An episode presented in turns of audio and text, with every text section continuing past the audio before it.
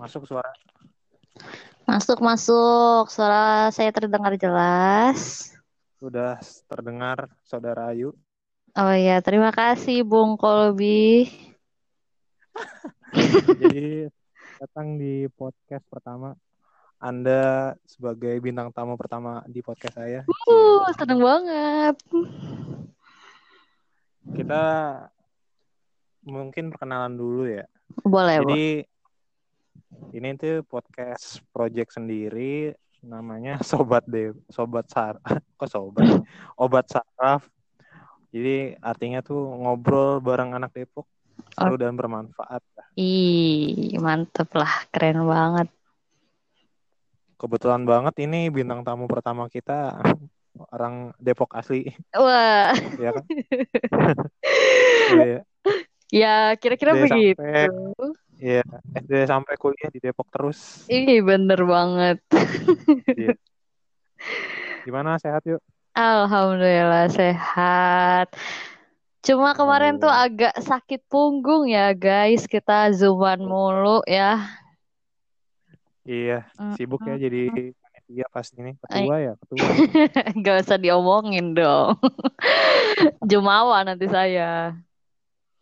Eh, jadi gue mau ngobrolin ini yuk tentang eh, soal pergaulan atau lingkungan di kampus. Weh, boleh, boleh.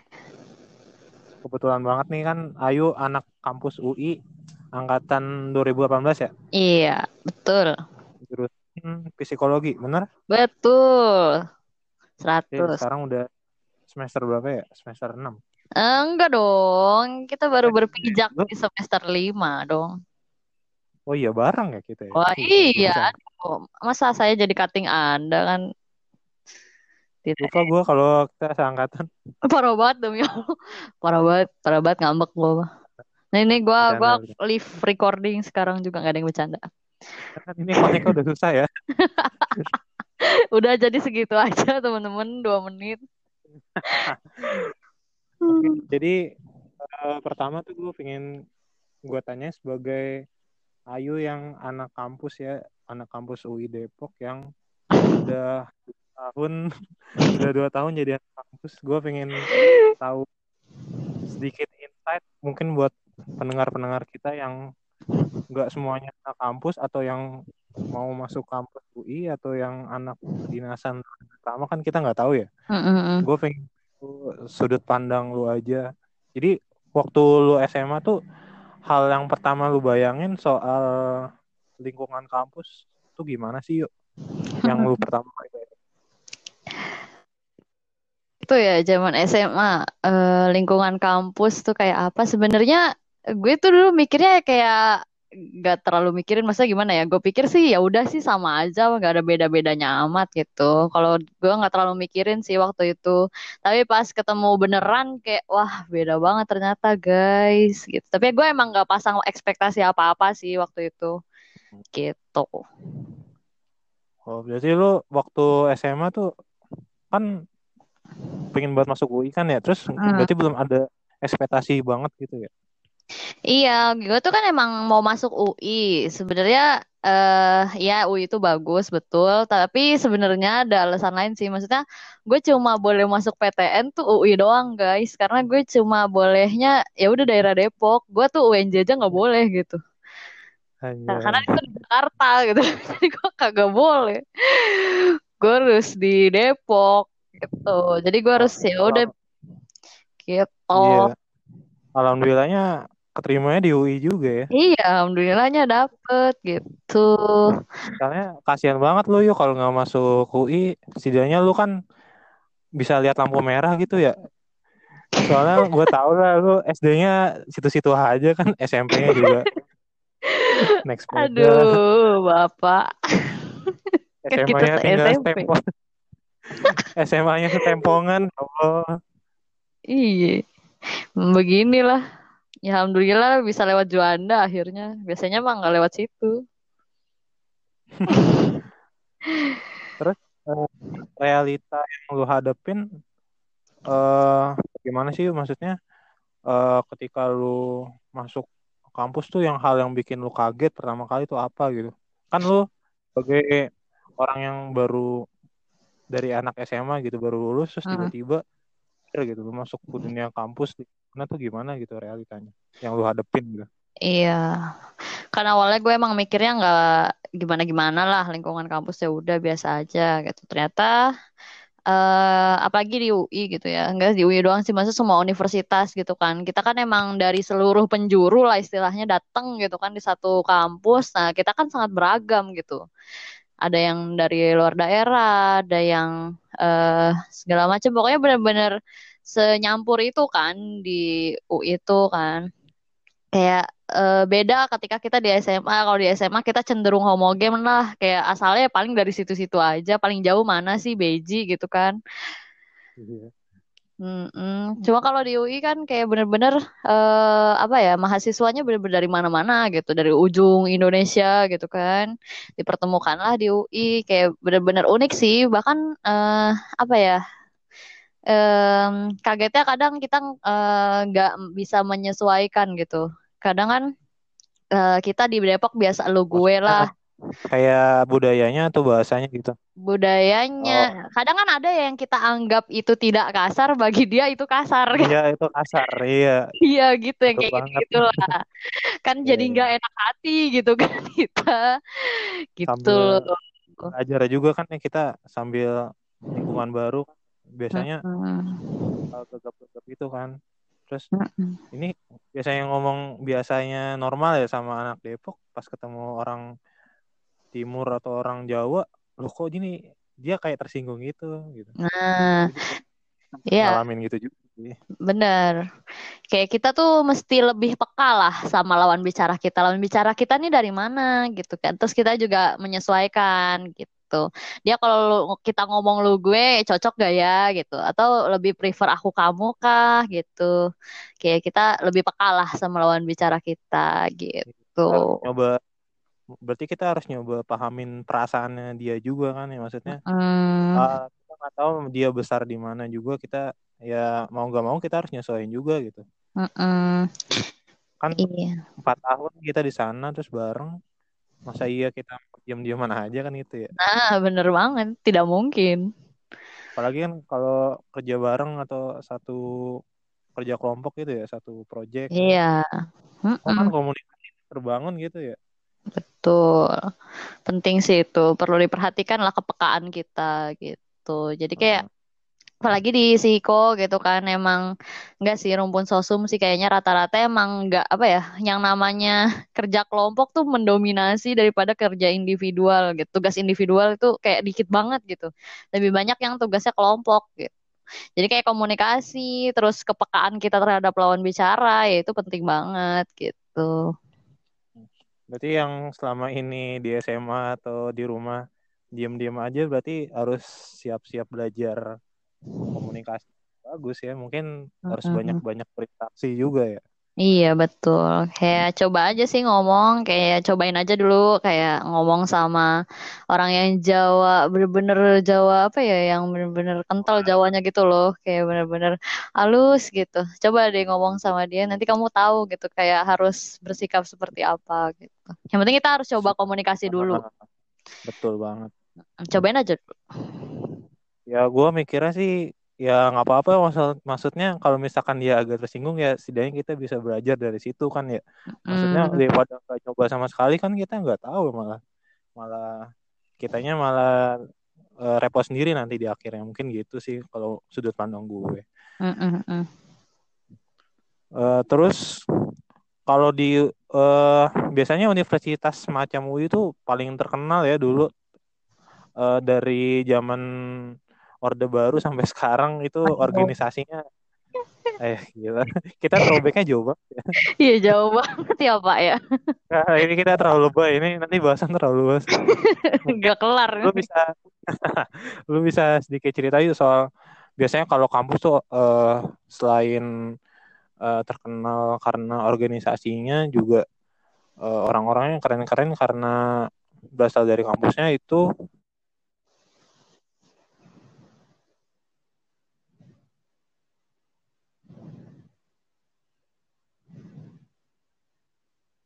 mungkin lu sedikit cerita lah maksudnya di di kampus UI itu gimana sih organisasinya gitu kalau di kampus macam UI gitu? Mm.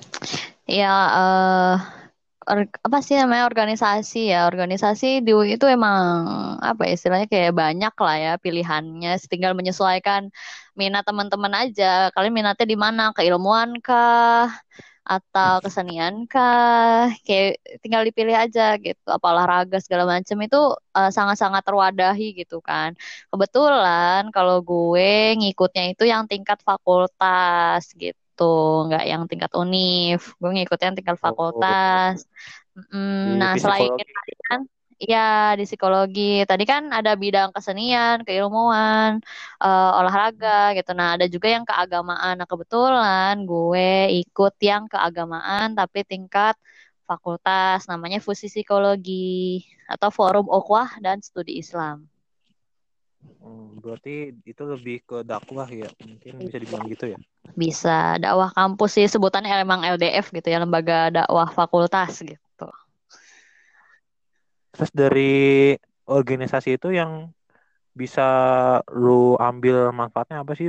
Kan kita nggak tahu nih biasanya orang-orang baru masuk kampus tuh kadang-kadang orang pendiam kah, maksudnya orang yang nggak uh -huh. mau organisasi karena dia ngerasa pendidikan lebih penting dari organisasi. Uh -huh. Kalau menurut stigma kayak gitu bener nggak sih? Atau lu punya sudut pandang lain soal stigma kayak gitu? Hmm, ini sih sebenarnya kalau menurut gue ya, uh, basicnya dulu, dasarnya dulu dibenerin kalau kita itu kuliah sambil organisasi, jangan dibalik gitu. Kita ya pokoknya intinya emang kuliah itu lebih prioritas daripada organisasi. Tapi bukan berarti lo organisasinya nol banget ya enggak juga gitu. Lo bisa organisasi tapi sewajarnya. Kalau gue sih uh, konsepnya gitu gitu. Nah, uh, dari organisasi yang gue ikutin sendiri, gue di Fusi ini, gue tuh dari semester 2 gitu. Kan gue emang di SMA demen banget sama desain ya, gue suka gambar segala macem gitu. Gue baru bisa pakai Photoshop kan pas SMA. Nah, sebenarnya modal nekat juga sih, maksudnya kan gue juga amatiran gitu kan. Maksudnya gue belajar desain juga diajarin temen gue gitu, bukan karena gue kursus niat nawa itu gitu kan, kagak juga gitu kan ya maksudnya amatiran lah otodidak segala macam cuma modal nonton YouTube lah gitu. Kayak gue di Fusi waktu itu nyoba jadi staff staff di biro media kan. Sumpah sih itu gue nggak tahu sih lebay apa enggak tapi gue bener-bener banyak belajar dari sana gitu. Amanahin pegang komik namanya Fusitun. Nah di situ gue bener-bener uh, belajar gimana jadi konten kreator yang baik gitu gimana sih uh, kita lihat uh, flow-nya audiens kita gitu loh. Audiens kita tuh demen kayak apa sih uh, konten apa yang mereka suka kayak gitu. Ketika kita munculin ini ke up gak uh, postingannya kayak gitu. Oh kalau nggak ke up kita ganti yang lain apa gitu. Oh humornya ternyata humor anak psikologi tuh kayak gini gitu. Supaya ke up biasanya kita pakai humor gitu kan. Nah gitu, oh, terus benar-benar belajar kayak gitu sih. Kayak kita kok kita tuh ngebaca algoritma gitu loh, algoritma Instagram. Jadi kayak ngelihat uh, postingan oh, iya, mana tahu. yang bikin ngangkat banget. Waktu itu gue bikin konten uh, di si Fusitun ini uh, itu paling uh, menurut gue paling banyak like-nya gitu kan. Karena tembus 250 likes buat akun Fusi. Nah, di situ kontennya tentang maba. Ternyata ketika konten kita emang relate, itu tuh bakal uh, bener-bener ke up banget gitu karena banyak uh, banyak yang suka gitu kan. Iya, nge-share, like, comment segala macam itu benar-benar ke up banget. Jadi kayak uh, gue belajar oh ternyata kalau kontennya relate sama audiens kita itu bakal uh, nge-reach banyak orang gitu. Nah, di situ gue belajar, gue banyak belajar dan gue bener-bener ngasah kemampuan gue pakai Photoshop kayak gitu-gitu. Gue bener bener nge-explore lagi lah istilahnya gitu. Hmm. Mungkin jadi, yang ya jadi kayak organisasi tuh kayak nge ngasih wadah lu buat yang hobinya. Kayak lu misalkan kan suka grafis gitu kan hobi lu. Terus kayak bisa lu sumbangin gitu di organisasi kan. Jadi kayak ada wadah dan uh, ada yang ngeliat gitu karya lu gitu di banyak uh, postingan medsos gitu kan ya Mm-mm. Wa- awalnya juga insecure sih Bi kayak ya Allah ini di post di akun yang followersnya ratusan gitu kan kayak agak-agak insecure juga gitu. Ntar kalau orang-orang nggak suka gimana segala macem. Tapi akhirnya jalani saja gitu. Tapi BTW gue lihat grafis tuh keren-keren loh kok yuk. Sumpah salah. Bi itu keren karena gue udah terbentur, terbentur, Oh, iya. terbentur di fusi gitu. Terbentur dan terbentuk. Nah, Revisi, revisi. revisi, revisi, revisi, mantap gitu. Ya. Mungkin kalau anak-anak grafis denger ini sangat relate ya. Eh, relate Teman-teman banget. teman-teman gue di teman gue di bagian RT Doc juga di kampus Hmm. sering Hmm. wah keluhannya itu revisi revisi Mm-mm. Dan keluhannya itu doang sih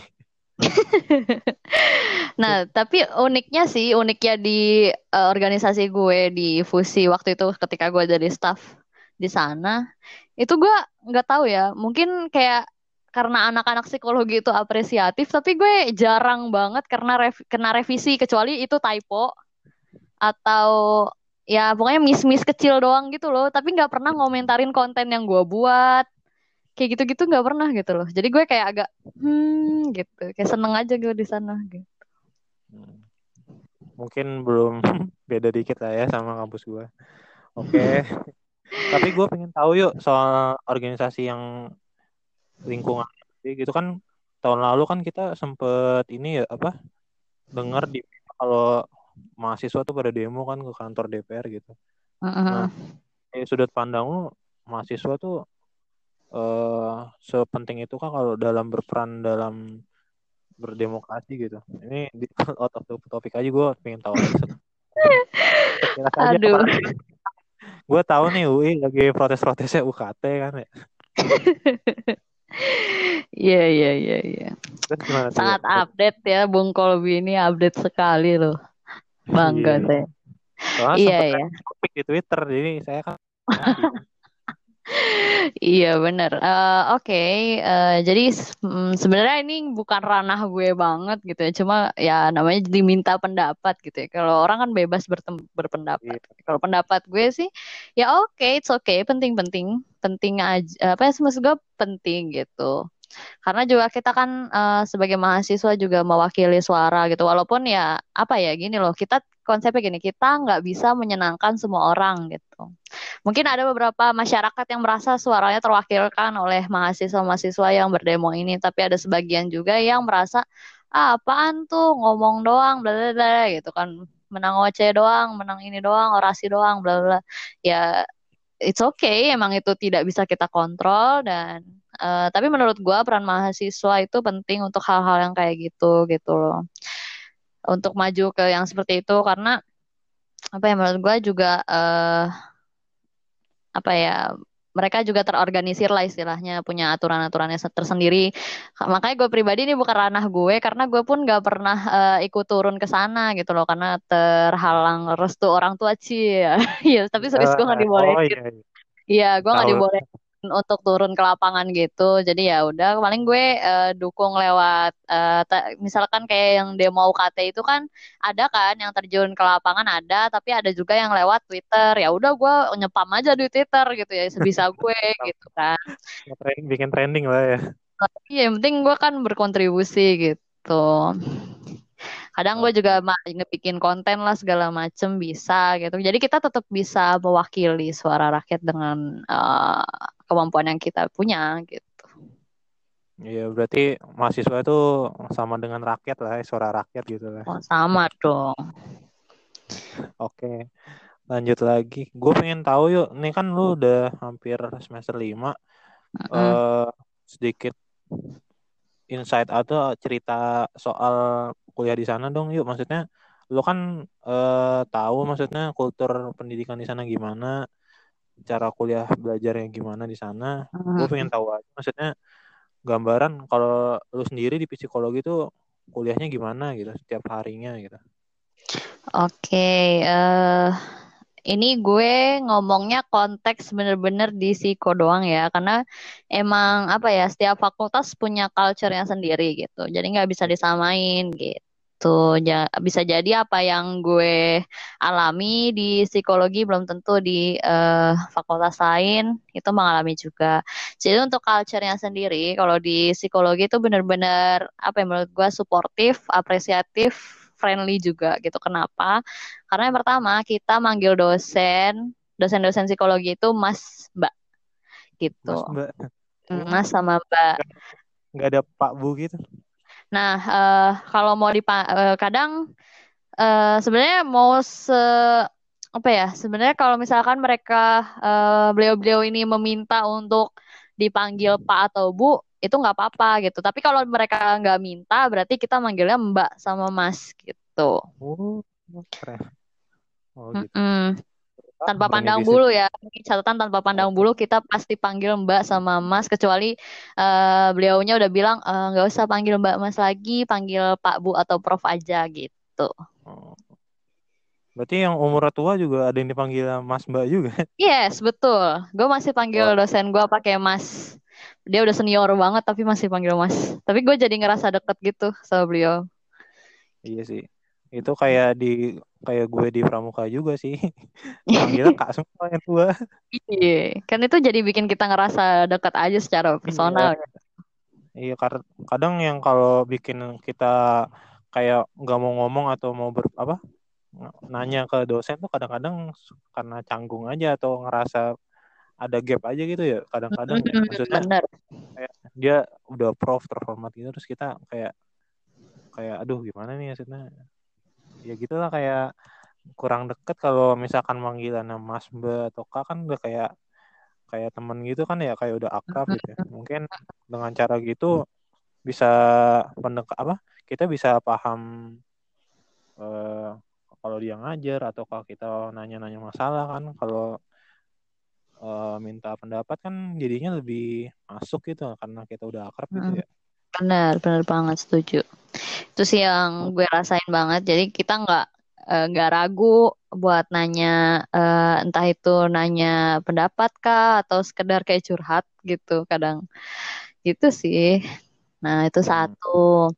Terus uh, yang kedua uh, dari uh, zaman gue maba dulu tuh gue udah uh, udah jadi culture anak psikologi banget. Kita setiap mau pokoknya ada sesuatu uh, kayak misalkan entah itu lomba entah itu mau UTS entah itu mau kuis mau uas gitu. Pokoknya menjelang menjelang kayak gitu yang membutuhkan semangat dari orang lain gitu kan ya. Uh, biasanya kita ngasih afeksi. Afeksinya tuh berupa snack di, ditempel post it biasanya post itnya kayak tulisan-tulisan lucu aja gitu loh. Kayak misalkan e, halo Gumai uh, sebentar lagi kita uas lo semangat ya gitu. Nih snack buat kamu. Semoga uh, uasnya lancar. Kayak gitu. Kan itu nyenengin banget ya gitu. Itu itu hmm, suka ngasih barang gemes-gemes ya, gitu. mirip-mirip hmm. di kampus juga sih. Misalnya kalau kalau di kampus gue tuh kalau mau ujian UTS atau UAS tuh biasanya uh, kan di kampus gue tuh sistemnya ada keluarga asuh ya. Jadi biasanya tuh uh, kalau mau UTS tuh keluarga yang asuh yang paling tuanya atau yang di atasnya tuh biasanya ngasih snack ke yang paling juniornya hmm. atau yang bawahnya. Itu biasanya uh, ngasih kopi kayak apa terus ciki-ciki gitu makanan ringan lah. Uh, kasih-kasih kuat dikit. Sama sih kayak gitu. Maksudnya iya, kayak iya, iya. ucapan semangat gitu Nah, ternyata sama. Gue kira karena gue ngerasa di kampus ya ter ini lah maksudnya nggak terlalu tahu kultur apa kuliah di luar jadinya gue pikir di kampus gue dong oh ternyata di UI pun sama ya kayak gitu. Maksudnya ada uh, tradisi yang kayak gitu-gitu yang kecil-kecilan gitu lah kalau mau ujian kan ya Iya, biasanya emang gitu sih. Kalau Kolbi kan tadi keluarga asuh ya. Nah, kalau kita tuh bener-bener apa ya, sebebas itu terserah mau kasih ke cutting kek, mau kasih ke temen kek, mau ke mana kek, serah gitu loh. Bener-bener bahkan dosen gue ada waktu itu bagi-bagi es krim lucu banget. Dia apa Waduh. sebelum iya uh, pas itu sebelum ujian apa setelah ujian gitu. Pokoknya dia bagi-bagi es krim gitu kayak ya Allah gitu. Sangat-sangat satu kelas gitu atau satu Iya satu kelas. Oh, Satu kelas lah. dibeli. Agaknya miskin ya satu fakultas tuh. Jual Oh. mobil dulu. Iya juga ya. Eh, terus kalau di sana gimana sih kalau di UI secara yang lo tahu secara umum eh, terkait relationshipnya maksudnya eh, pertemanannya apakah punya korsa kalau di gue bahasanya korsa ya maksudnya ibaratnya kalau kalau di gue tuh pertemanannya pertemanan tuh satu angkatan tuh kayak kayak keluarga banget terus kayak erat banget tuh kayak ibaratnya eh, satu sakit yang lain juga sakit semua gitu prinsipnya kalau di sana gimana ya maksudnya dalam lingkup satu angkatan dan dalam lingkup eh, satu kampus gitu mungkin dalam lingkup kecil dulu di fakultas tuh gimana tuh ya? Mm-mm. Eh, fakultas ya. Kalau gue tuh merasa eh, hal-hal yang eh, lu sebutin tadi kurang ditekankan di fakultas gue sih. Maksudnya bukan apa ya? eh, kita nggak dituntut untuk eh seangkatan harus begini, seangkatan harus begitu, enggak. Kayak eh ya udah kita seangkatan. eh, kalau ada susah saling bantu gitu. Tapi ya nggak seribet atau nggak seterikat itu gitu loh. Kayak ya udah gitu. Kalau gu- eh, kalau di Siko ya, tapi kalau misalkan ngelihat dari fakultas lain ada sih, tapi gue nggak tahu, gue takut salah sebut. Jadi kayak, eh, tapi setahu gue ada gitu, yang emang sangat-sangat dituntut akan angkatannya harus kompak segala macem lah gitu. Itu ada gitu. Tapi gue nggak mau sebut karena gue takut salah gitu. Iya, apa apa. Terus eh untuk ya itu kalau di Siko ya, tapi bukan berarti kita nggak nggak deket satu sama lain ya kita tetap deket. Kalau mau cerita ya hayu gitu. Nah kalau misalkan tingkat universitas ya, gue sih waktu itu paling gue cuma ikut kegiatan tingkat univ tuh cuma satu dua biji gitu loh, nggak nggak terlalu banyak. Gue lebih sering aktifnya di fakultas gitu.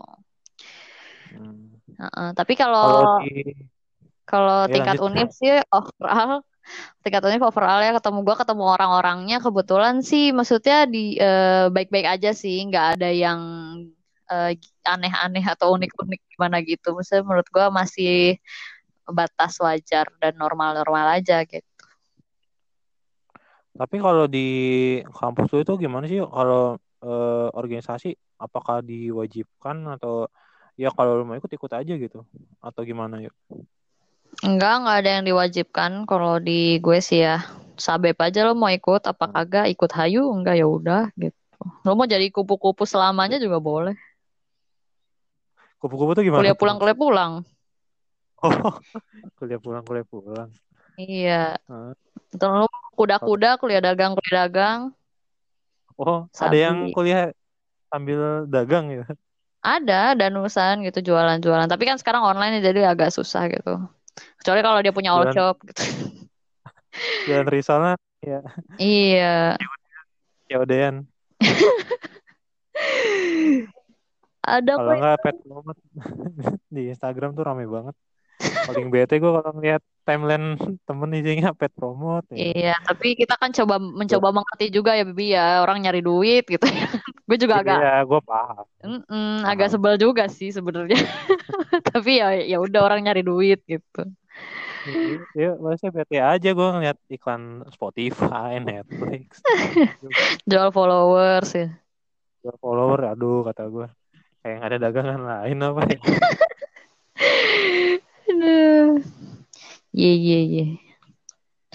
Terus eh, kan kita nih lagi masih menghadapi ini ya yuk apa masa-masa pandemi nih apalagi ya sekarang udah nerapin jam malam kan ya. Oh, aduh. malam.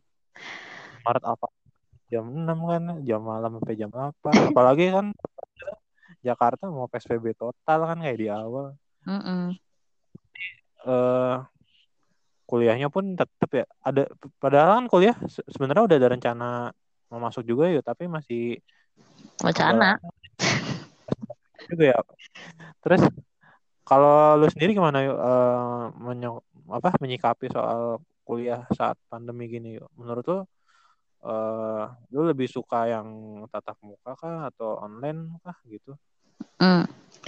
Ya, gue sangat membenci metode online ini gitu. Gue kesel banget gue nggak itu? suka. Kayak nggak tahu ya gue tuh anaknya demennya belajar ya gue belajar di kelas gue nggak suka belajar di depan laptop doang. Ini tuh hambar banget gitu loh lu nggak bisa eh, nggak tahu sih gue merasa gue tidak hidup gitu kayak gue merasa kayak zombie aja tiap-tiap eh buka pagi kan kesiangan buka Zoom belum mandi gitu si ngantuk kan tiduran gitulah maksud gue eh, pengalaman gue kuliah online yang kemarin itu itu sangat menyiksa sih buat gue buat gue ya. Tapi kan ada beberapa orang yang lebih demennya online. Tapi kalau buat gue pribadi gue sangat tidak suka metode online ini gitu. Ini sangat menyiksa buat Iya. gue. Parah parah nyiksa banget. Karena gue biasanya kalau di kampus tuh apa ya lebih kerasa gitu loh. Lebih kerasa gue Oh. hidup gitu. Kayak oh ada teman-teman juga bisa ngobrol kan terus Mm-mm. bisa tahu dosennya. Maksudnya biasanya kalau kita ngelihat dosennya langsung dengerin langsung tuh beda ya kayak kalau kita denger dari suara doang tuh kayak ada yang miss gitu ya, kayak ada yang lost gitu. Mm-mm. Ya. Bener. Apalagi ada yang eh, dosennya eh, kuliahnya lewat WhatsApp tok gitu. Kayak, Pak, please dong. Kayak gue lewat Zoom aja suka nggak masuk. Ini lewat WhatsApp doang gitu. Tapi ya udahlah ya. Maksudnya kan kadang eh, ada beberapa orang yang belum eh, lancar mengoperasikan teknologi gitu kan kita harus pengertian juga kan. Ya sudah jalani saja. Tapi alhamdulillahnya sih kalaupun gue nggak paham gitu ya di perkuliahan ini, gue nanti menjelang UTS UAS biasanya emang ada belajar kelompok bareng circle gue lagi sih gitu. Jadi ngulang lagi. Tapi yang lu eh, syukurin kalau kuliah online itu apa ya? Masa iya maksudnya kan gue tahu lah nggak sepenuhnya nggak setuju juga kan. yang lu yang lu alhamdulillahin kuliah online apa tuh? Harusnya ada tuh. Yang gue alhamdulillahin kuliah online ya gue punya waktu lebih banyak sama keluarga gue sih.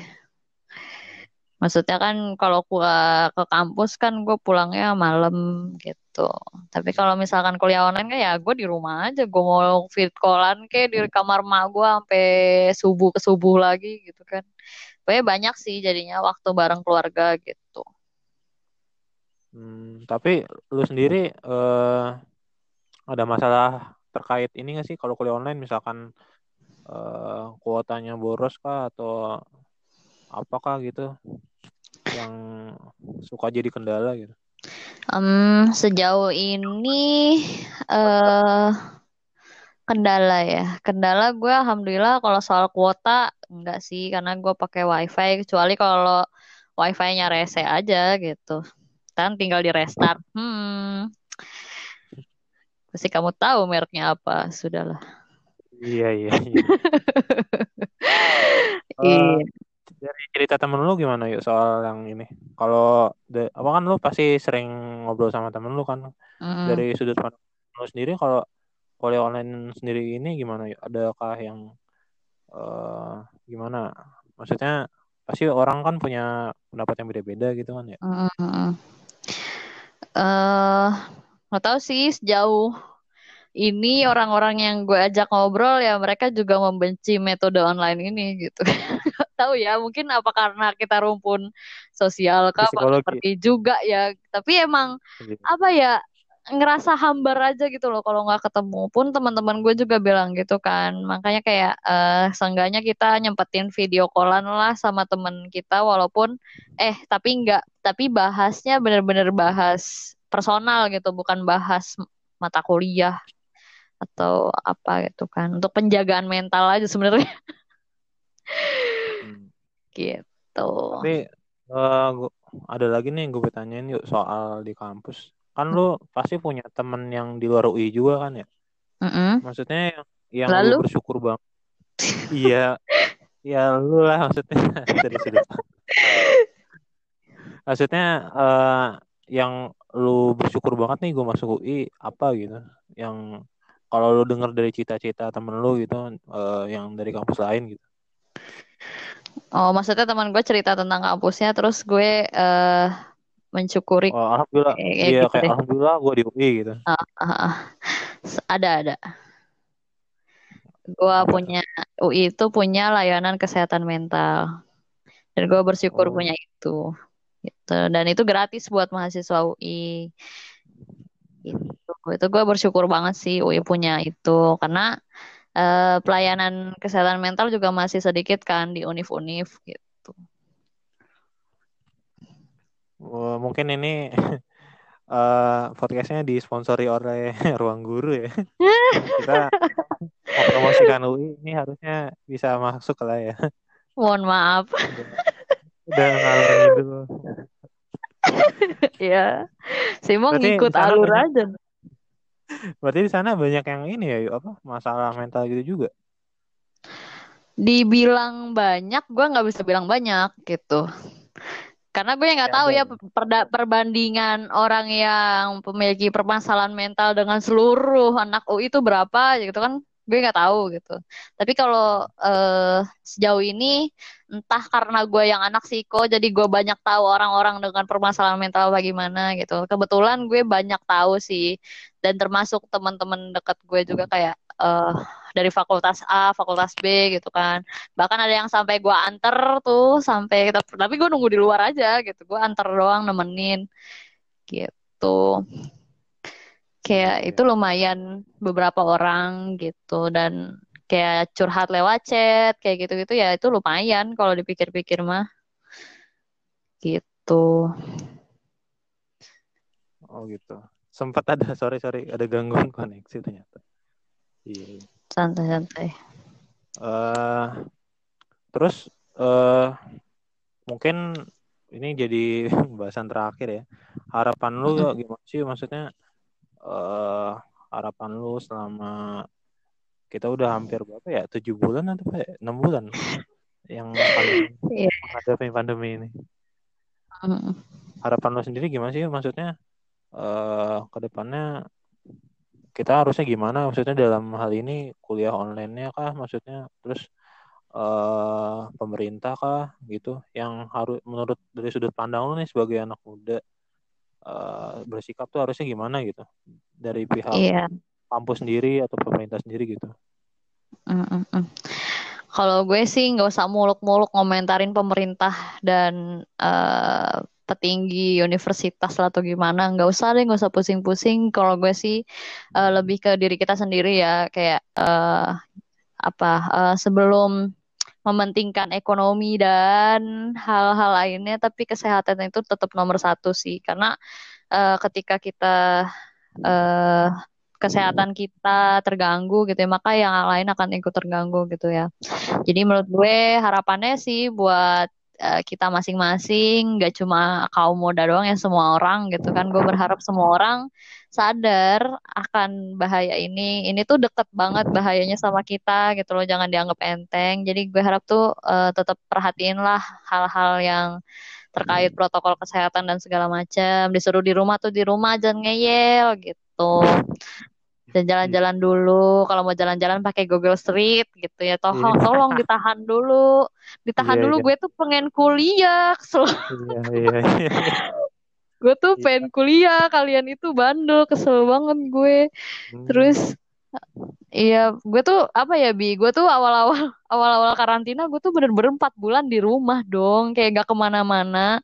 Terus gue keluar sekali doang ke warung, itu doang. Terus kayak orang-orang tuh gak peduli gitu. Terus angka corona semakin menanjak menanjak gitu ya. Kayak ya udah sih teman-teman pokoknya sadar tolong sadar gitu ya kan. Terus uh, harapannya juga di kuliah online ini ya semoga materinya masuk. Terus ya semoga cepet kelar lah ini corona coronaan karena gue emang pengen banget ke kampus gitu loh. Gue udah banget gitu di rumah dah gitu Kayak gue pengen ke kampus gitu, gue pengen belajar ke kampus. Gue udah lelah dengan zoom zooman ini gitu dan meet meetsan ini gitu. Terus uh, ya uh, apa sih dengan kita belajar online di rumah, apa-apa di rumah, di rumah, semua di rumah gitu kan ya. Pasti emang rentan sih yang namanya kesehatan mental kita agak terguncang itu pasti gitu. Karena gue juga sempet ngedown juga kemarin gitu karena terlalu banyak internet dan Zoom. serius serius. Uh. Gue tetap uh, apa ya terguncang juga gitu loh kayak agak stres-stres terus pusing-pusing gak jelas gitu. Iya. Agak uh, ya gitu-gitu deh pokoknya ya. Kayak itu uh, kita coba perhatikan diri kita sendiri kira-kira uh, fisik kita gimana, sehat apa enggak, sakit apa enggak, coba dicek punggungnya sakit apa enggak. Kan ada ya orang yang enggak iya. aware sama itu ya. Iya, enggak sadar kalau udah sakit gitu kan ya. Hmm, kadang nunggu sampai sakitnya parah tuh baru eh gue sakit ya gitu. Eh, sakit. gitu. Nah, itu kayak perhatiin lah diri sendiri coba itu tuh uh, dicek-cek lagi pilek enggak atau kayak hmm. punggungnya pinggangnya gimana? Sakit enggak terus dicek uh, akhir-akhir ini ngerasain emosinya apa? Positif apa negatif? Kayak gitu. Hmm. lebih sering sedih apa lebih sering senengnya? Kayak dicek juga hmm. tuh. Harus aware lah kita sama diri kita sendiri gitu. Kalau dari lu sendiri gimana yuk kan lu udah pengalaman nih empat bulan di rumah aja. Terus lu kalau bosen ngapain tuh yuk? Karena itu masih awal ya Bi ya. Istilahnya gue empat bulan awal tuh menurut gue masih masih waras lah gue. masih agak waras lah. Gue jadi masih punya kegiatan istilahnya gue masih bisa nyari entah itu uh, ngelukis-lukis lah apa. Gue gue beli peralatan watercolor waktu itu. Jadi gue ngelukis-lukis gue nyoba oh. ngelukis-lukis. Terus gue nyoba pokoknya banyak hal yang gue coba-coba lah. Nyoba masak apa segala macem. Itu sekarang tuh gue kayak udah nggak punya kegiatan gitu loh. Ini apa lagi yang gue kerjain gitu. Kok relate banget ya kayak gue ya? Hampa gitu kayak Iya. mau ke mana lagi ya? Udah kosong gitu kayak let it flow gitu. Sampai iya. hari tanggal berapa sekarang ya gitu. Sampai mm. oh hari ini tanggal merah ya baru tahu. Bener. Sumpah bener banget Bi kayak gak sadar ini hari apa, udah gak tahu deh. Terus udah gak punya kegiatan, maksudnya kegiatan baru ya istilahnya kan kita kalau misalkan udah bosan sama sesuatu kita cari yang fresh, new gitu kan ya, supaya membangkitkan semangat kita lagi. Tapi ini gue kayak ah, gue harus ngapain lagi?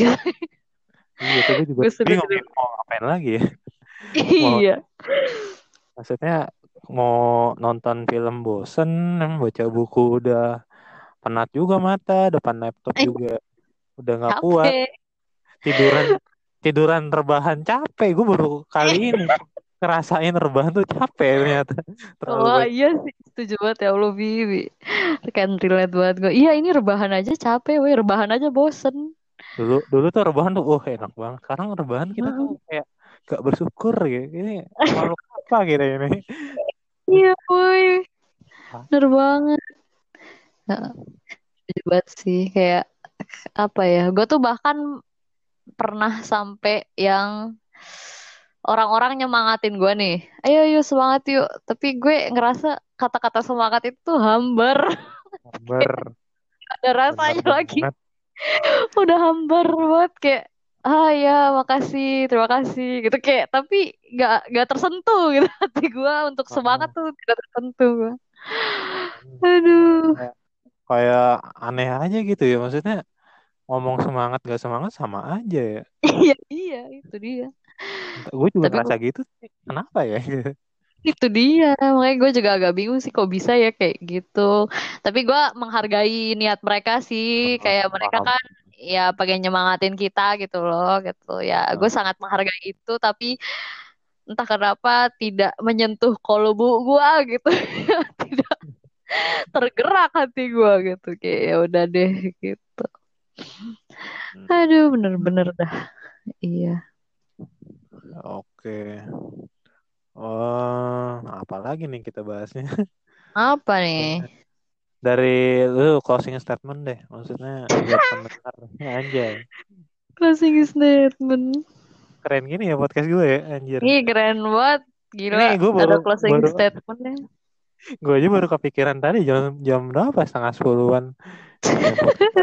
Bikin podcast gue nyari nyari bintang tamu ini gue gue kontak satu satu ah lu yang nyaut ya udah langsung gas ya.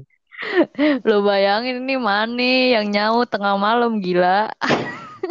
Gua gua paham sih ini yang yang masih on begadang sampai jam 4 4 pagi itu pasti lu. Lebay ya. Sumpah, ini orang ngontak gua kan tengah malam bener-bener dah. Gue bales lagi. Eh, ya udahlah. Mungkin segitu dulu di acara Anjay. sobat sobat sarap mungkin eh sobat sarap ya mungkin sobat Obat. pendengar obat sarap. Sorry ini baru Mana? masih baru. Masih Iya. baru nggak apal. Belum. Sumpah ini gua nggak dikasih skrip guys. Bener-bener nih temen gue. Iya, Kacau emang. kan Impulsif. ini menggali apa kreativitas Hmm, bagus. Harapan. Biar gak bosen. Iya sebenarnya gue gabut juga sih nggak tahu mau ngapain lagi. Ya, bikin podcast aja kan lagi Bagus, viral bagus. juga tuh rame-rame. Betul. Heeh, bener, bener, bener. Oke, Bagus, Bi. Lanjutan, Bi. udah pas banget jam 12 malam. Wah, iya Ya. bener. Mungkin sekian dulu. Terima kasih eh, Ayu buat waktunya. Mungkin eh, ini bermanfaat banget nih. Kita udah dengerin soal dari apa organisasi terus lingkungan sekitar di UI juga kan ya. Maksudnya dapat insight baru lah maksudnya yang orang baru dengar atau mungkin ada anak SMA yang baru masuk kampus kan, ada yang masih anak SMA mau nggak tahu mau ke mana kan mungkin mendengarkan ini bisa te- terinspirasi gitu oleh Ayu Oh. Gumai Ai, sedap. mungkin Ayu bisa jadi eh, contoh ya Apaan? Eh, Ngakak ini pengalamannya keren banget loh maksudnya tadi kita dengerin lebar loh ini kalau dengar cerita asingnya ini waduh sedih banget tuh gue pas dengar cerita mah. Aduh. Saya lupa. mungkin nanti Ayu jadi bintang tamu lagi tapi bahasannya beda Wih, undang Iya. gua aja terus sih. Mantap. Iya, iya. Nanti ada seriesnya sendiri Iya, iya. Semua iya, iya. Iya, iya. Boleh, boleh, boleh. Boleh. Bosen Oke. orang. Oke, mungkin makasih yuk atas waktunya udah sekian dulu ya. Terima kasih. Oke. Eh, nanti kita kembali mendengar. Tunggu aja konten obat saraf selanjutnya. Sekian. Gue sarap ini, Bi. Iya. Udah sarap. Sekian. Eh, sekian terima kasih. Wassalamualaikum warahmatullahi wabarakatuh. Waalaikumsalam.